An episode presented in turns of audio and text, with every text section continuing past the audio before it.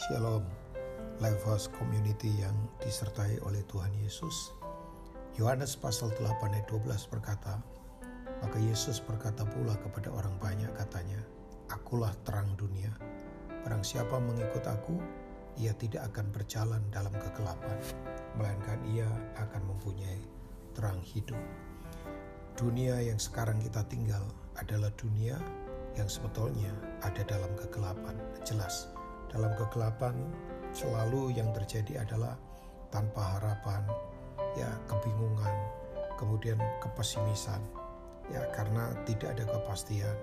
Semua yang tidak pasti, yang tidak kelihatan, itu pasti akan bikin orang stres dan kemudian akan mengalami ketakutan yang itu jelas ujungnya mempengaruhi cara berkata, cara hidup, kemudian tujuan hidup. Nah, saya yakin bahwa dalam Tuhan kita selalu akan ada arahan-arahan yang kuat. Nah, prinsipnya yang Tuhan mau adalah jelas bahwa Yesus adalah terang dunia. Itu tidak terbantahkan. Nah, kuncinya adalah untuk kita selalu mengikut Dia. Ya, bukan uh, mengikut organisasi gereja atau pelayanan itu hanya wadah saja atau mungkin regulasi. Tapi yang penting adalah ikut dia karena ada orang ikut organisasi gereja belum tentu ikut Tuhan.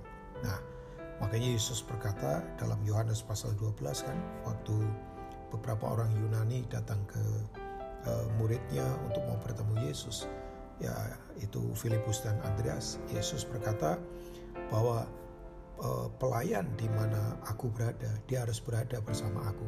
Nah itu ya. Makanya ayat sebelumnya dikatakan kalau orang mencintai nyawanya dia akan kehilangan nyawanya. Tapi kalau orang tidak mencintai nyawanya di dunia ini karena Tuhan dia akan memperolehnya uh, dalam hidup yang kekal. Nah, pertanyaan saya, di mana Yesus berada? Supaya kita tetap mengikut dia. Jelas, Yesus ada ketika orang berani mengerjakan kehendak Bapa. Karena Yesus datang untuk mengerjakan kehendak Bapa. Apa itu kehendak Bapa? Yaitu kita praktekkan firman dan kita jadi berkat buat orang-orang supaya mereka mengalami keselamatan. Nah, di mana Yesus berada? Matius 25 jelas berkata bahwa dia ada di tengah-tengah orang yang termarginalisasi, orang yang miskin, orang terbuang, orang terpenjara. Dia ada di sana. Makanya uh, saya sungguh-sungguh mendorong Bapak Ibu semua yang ada di Levos Community. Dia adalah terang dunia. Ikutlah dia. Ya, artinya kita harus ada dalam kehendak Bapa. Kita harus ada untuk menjadi berkat buat orang di sekitar kita. Makanya perenungan firman itu sangat penting karena Yesus adalah firman. Firman adalah Yesus sendiri.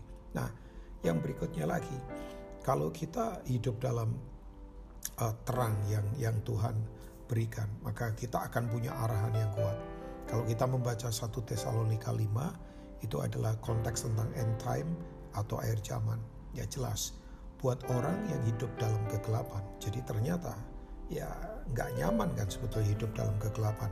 Tapi ada orang yang hidup dalam kegelapan, makanya orang kalau seperti ini uh, dia tidak akan punya identitas, dia akan tabrak semua prinsip ya, karena nggak tahu, karena gelap, dia nggak tahu ujungnya mesti bagaimana dalam kehidupan. Makanya selalu kemudian pilihannya salah dan penyesalan akan mendominasi hidupnya. Buat orang yang hidup dalam kegelapan itu tidak akan ada arahan. Makanya kedatangan Tuhan diumpamakan seperti pencuri buat mereka. Ya, sesuatu yang tidak terduga, mengagetkan, membuat orang ketakutan. Tapi buat kita yang hidup dalam terang, itu selalu ada arahan, walaupun kita tidak tahu kapan persisnya Yesus datang. Yesus berkata, tidak ada yang tahu kan hari atau tahun uh, dia datang kan. Ya kalau ada orang yang tahu ya itu berarti sok-sokan saja. Tapi buat kita yang ada dalam terang, itu akan ada arahan-arahan. Kita akan punya sensitivitas untuk melihat tanda-tanda kedatangannya dia. Ya, nah sungguh kalau kita hidup dalam terang, maka kita akan ada arahan-arahan, kita akan punya sensitivitas yang kuat untuk bisa punya kepekaan. Oh iya, ini masa-masa yang uh, kita harus sungguh-sungguh hargai. Makanya Mazmur berkata, firman Tuhan itu adalah pelita bagi kaki kita dan terang bagi jalan kita. Ya, pelita itu selalu akan menuntun step by step. Kenapa kok tidak dibukakan semua sampai kita tahu ujungnya? Ya bahaya nanti kita jadi sombong, kita bisa jalan sendiri, Padahal Tuhan mau kita ikutin dia untuk hidup dalam proses day by day, step by step, tapi dia akan terus memberi arahan-arahan yang kuat. Nah, gak usah takut bahwa Tuhan berkata, aku terang dunia. Artinya ada sumber terang di dalam diri kita waktu kita melekat pada dia. Kita punya sensitivitas yang kuat. Makanya doanya Paulus, terangi mata hatiku untuk melihat pengharapan apakah yang terkandung dalam panggilanmu. Betapa mulianya, ya bagian buat orang-orang kudus betapa hebat kuasanya. Jadi jemaat Levos yang diberkati Tuhan, terang Tuhan ada pada kita, kita penuh sukacita, ya penuh dengan uh, arahan yang kuat yang datangnya dari Tuhan. Tuhan Yesus memberkati kita semua. Amin.